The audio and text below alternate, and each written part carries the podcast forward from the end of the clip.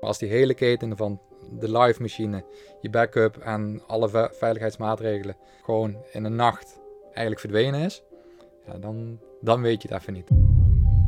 Welkom bij Kennis is Macht, een podcast over cybersecurity.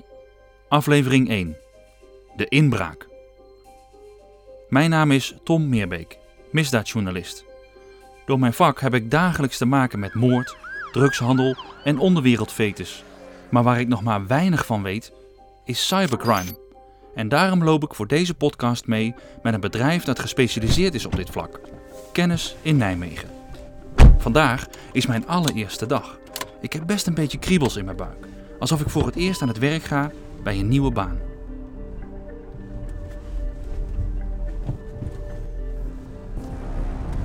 De routes worden berekend. Onderweg krijg ik mail van Jos, mijn tijdelijke supervisor. Ik zet de auto aan de kant om te lezen wat hij te melden heeft.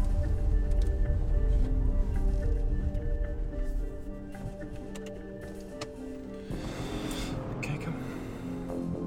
Mail. Hoi Tom, leuk dat je bij ons mee komt lopen. Maar voor je bij ons komt is het misschien goed om langs Michiel van te gaan. Hij kan vertellen hoe het flink mis kan gaan in onze wereld. Oh, noem zijn achternaam en bedrijf maar niet, zodat het niet te makkelijk te herleiden is. Ja, dat heb ik dus net gedaan. Piepen we wel weg. Ehm, goed en succes. Tot straks, Jos. Nou, benieuwd.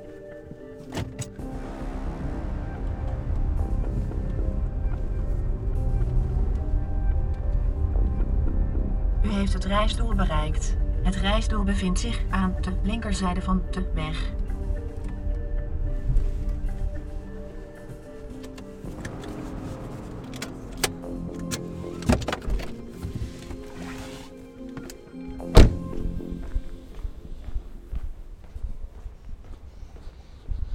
Denk dat het hier eh, is.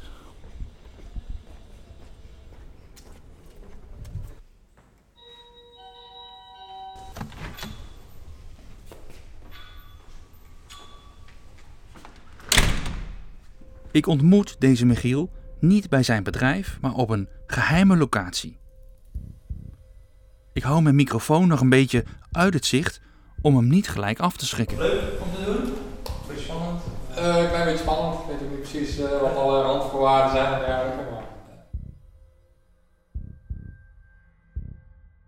Michiel, we hebben kort beneden even kennis gemaakt. Ja, klopt. Uh, maar wie ben je eigenlijk zonder nou je achternaam te willen noemen? Want dan wordt het iets te herleidbaar, geloof ik. Michiel, ICT-manager bij een bedrijf wat medische gegevens verwerkt. Een beetje in het zuidelijk deel van Nederland, zo te horen.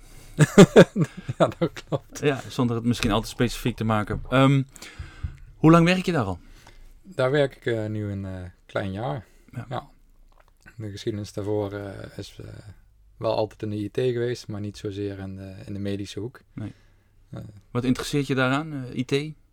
IT, ja, het is, het is een wereld op zich. Um, er gebeuren dingen die andere mensen denk ik niet snappen. Uh, en ik vind het een, uh, een boeiende wereld waarin je heel veel dingen mogelijk maakt. Uh, en ik vind het mooi dat je daar andere mensen in kunt ondersteunen. Ik denk dat heel veel mensen niet goed weten hoe belangrijk jouw functie dan misschien eigenlijk is. Nou, ik wil hem niet over, te, te, overtrokken maken. Nee, maar, maar gewoon als IT'er, ja. heel veel bedrijven kunnen niet functioneren zonder. Ik denk dat nou, 9 van de 10 bedrijven niet, meer kunnen werken als die IT een dag ontbreekt. Ja. ja. Ik denk dat eigenlijk, eigenlijk elk bedrijfsproces wel stilvalt als de IT het niet doet. Ja. Goed, maar best gevoelige informatie werk je mee. Tenminste, jullie bedrijf, uh, zo te horen. Medische ja. informatie. Ja. Dat moet niet op straat belanden.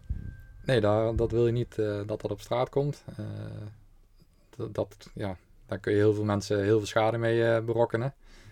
je wilt niet dat, dat privégegevens van mensen op straat komt te liggen. En zeker niet als het over je medische staat gaat.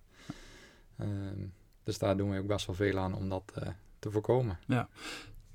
Toch ging het een keertje mis. Wanneer was dat? Hoe ging dat? Um, nou, dat is uh, vorig jaar geweest. Um, en hoe ging dat? Ja, dat uh, een beetje onwerkelijk. we merkten het s ochtends vroeg. er had een procesje niet gelopen. Dus elke ochtend lopen er een aantal automatische processen om gegevens te verwerken. Updates of zo? Of hoe, wat, wat moet ik dan aan denken? Ja, gegevens worden dan van het ene systeem doorgezet naar het andere systeem. En het systeem wat de gegevens moest ontvangen, die maakte de melding. Ik kan de gegevens niet vinden.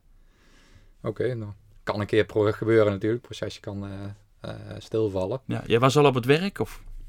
Nee, ik, eh, ik lag nog te slapen. Ik werd gebeld door, een, door mijn collega die, die die meldingen afhandelt. Die gaf aan van het proces loopt niet. En er lijkt meer aan de hand te zijn dan dat, want ik kan ook niet meer in het systeem. Eh, en dan begint het balletje eigenlijk te rollen. Van, Kun je komen helpen, Michiel?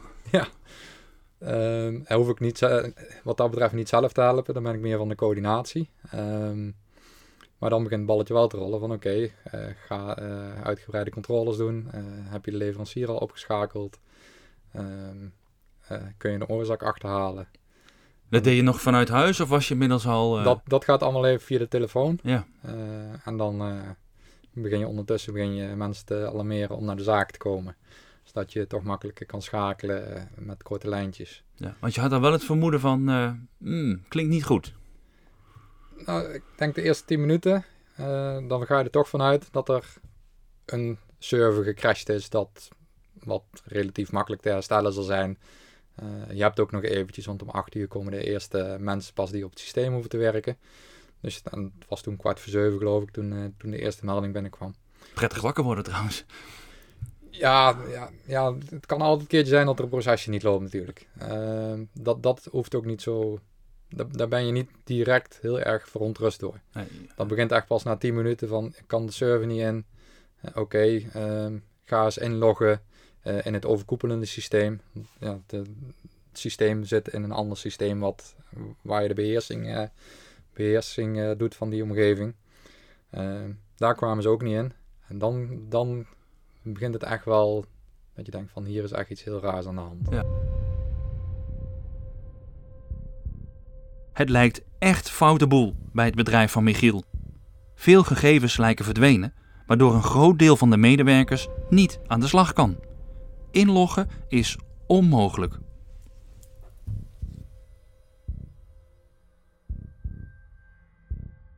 Ja, dan ga je als een haast naar de zaak. Ondertussen probeer je ook eh, bij de leverancier eh, eh, contact te krijgen. De leverancier van van, van, het, van het softwarepakket wat we, waar, waar die gegevens in zitten. En die dus ja, mede verantwoordelijk is voor, voor het bereikbaar hebben van de hele omgeving. Mhm. Ehm, En wat zeiden die? nou, daar waren ook de alarmbellen aan het afgaan dat een hele server ontbrak.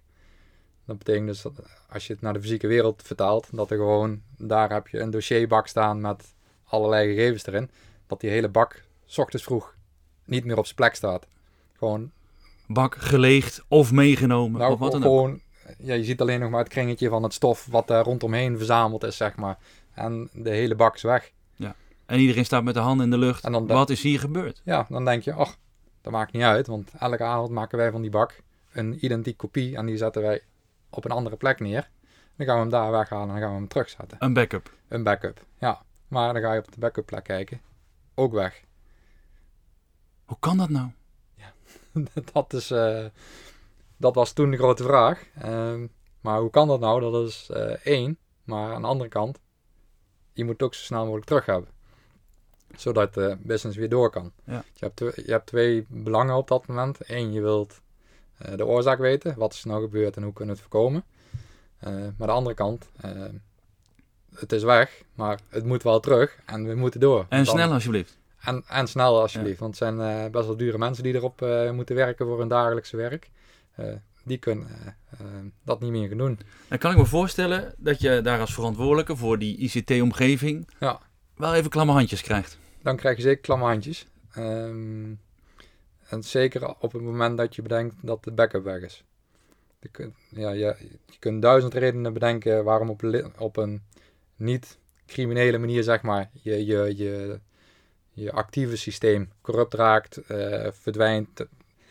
Dat, kan altijd iets zijn. Maar als die hele keten van de live machine, je backup en alle ve- veiligheidsmaatregelen, die hele keten gewoon in een nacht eigenlijk verdwenen is, ja, dan, dan weet je het even niet. Ja, want je had echt wel voorzorgsmaatregelen genomen, zo te horen. Hè? Elke avond wordt er een backup eh, Ja. gemaakt. Hè? Dus stel, eh, echt even naar een fysieke wereld.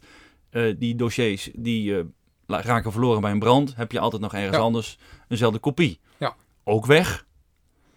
En- Wat en heb je gedaan? de leverancier gebeld, die opgeschakeld. Die hebben eigenlijk dezelfde conclusie getrokken van oké, het originele is weg, de backups zijn weg. Ehm, we gaan eh, de, de leverancier van de leverancier benaderen.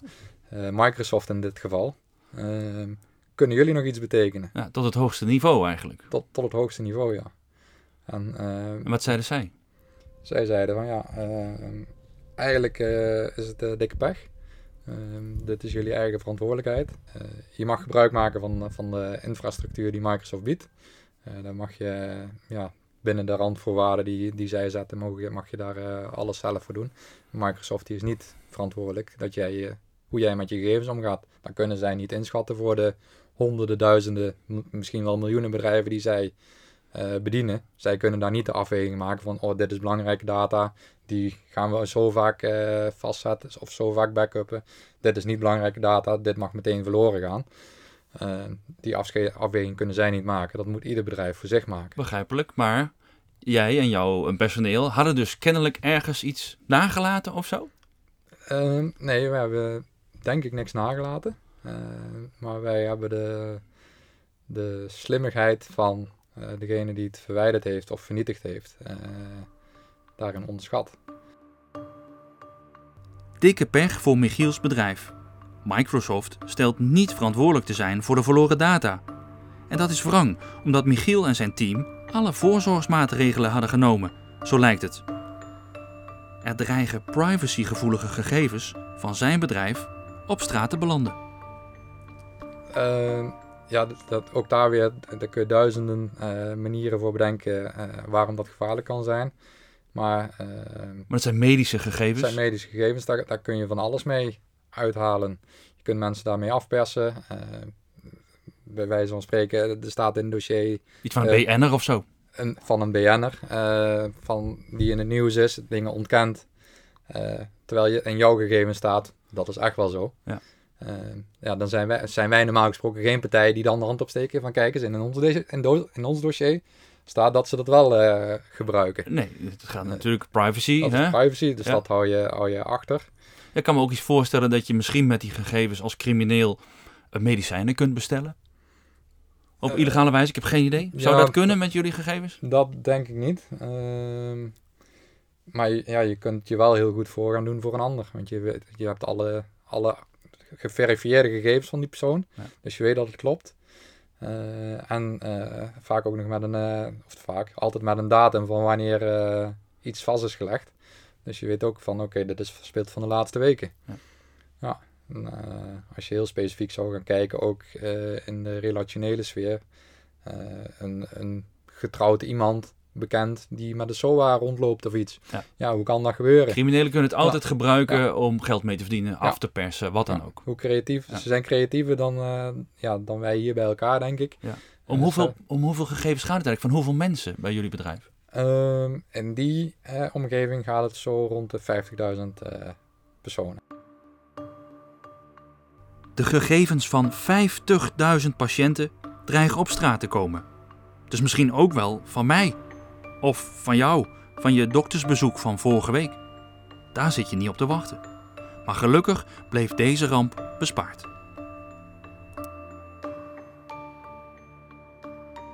Het is niet op straat gekomen. Hm. Nee, nee. daar is ook eh, uitgebreid onderzoek naar gedaan. Eh, ook nadat alles eh, eh, weer gewoon draaide, is er forensisch onderzoek gedaan. En daaruit is gebleken dat er gewoon ruksigloos de stekkers eruit zijn getrokken, alles verwijderd is en dat hij weer vertrokken is. Nou, de veiligheid wat dat betreft van mensen is niet in het geding geweest. Nee, die is niet In ieder geval niet van jullie Nee. klanten, noem ik ze maar Ja. even. Jullie bedrijf lag wel helemaal stil. Ehm, een- Ga ik zo even vanuit. Niks De- deed het meer. Het bedrijfsonderdeel eh, wat gebruik maakte van die database, eh, die lag helemaal stil, ja. Die konden, die konden niet meer bij hun afspraken van die dag. Konden geen gegevens opvragen, konden geen gegevens verwerken. Eh, dus ja, iedereen die een fysieke afspraak had en opkomdagen, die kun je nog wel, wel te woord staan en en- enigszins helpen. Zeker als het een actieve case is die ook nog bij die arts dan beschikbaar is. Maar eh, ja, heel veel zaken konden gewoon niet meer doorgaan, omdat je en je planning niet hebt en niet bij actuele data kan. En dan... eh, Dat Ja, kost een boel geld ook, eh, kan ik mij voorstellen. Ja. Kun je, kun je, heb je een inschatting wat het heeft gekost? maar onder de streep heeft het eh, direct 30.000 euro gekost.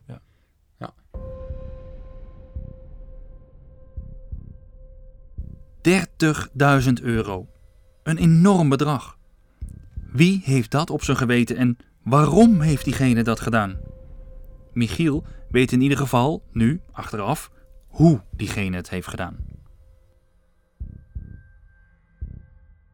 In de nacht van zaterdag op zondagnacht tussen 1 en 3 eh, heeft iemand zich toegang eh, verschaft tot eh, de omgeving waarin allerlei servers draaien.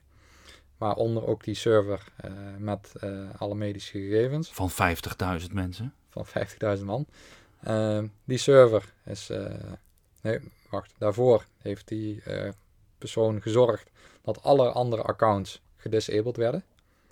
Niet meer werkte. dus niet meer werkte. Ehm, dat betekent ook dat je, als je er dan naartoe wilt, dat je het zeker een, een drempel te nemen hebt om weer erin te komen.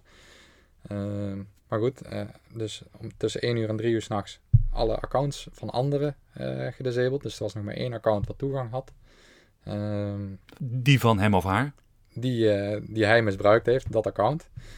Dat was het eh eh, hoofdadministrator eh, account. Dus hij had ook daarmee alle rechten.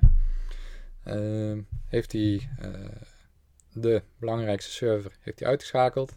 Hij heeft alle zaken ontkoppeld. Alle stekkers eh, uit die machine gehaald. eh, alle koppelingen met de backups eh, losgemaakt. Letterlijk, fysiek. Het voelt fysiek, maar het is allemaal digitaal. waar we nu-. Waar we het nu over hebben. Ja. Als je het 30 jaar geleden zou hebben gedaan, dan was het echt fysiek stekkers trekken geweest uit een server. En dan de server letterlijk uit het rek Maar je halen. kunt het digitaal ook ontkoppelen, kennelijk. Ja, digitaal kun je eigenlijk, ja, wat 30 jaar geleden fysiek weer werd gedaan, kun je nu eigenlijk allemaal digitaal.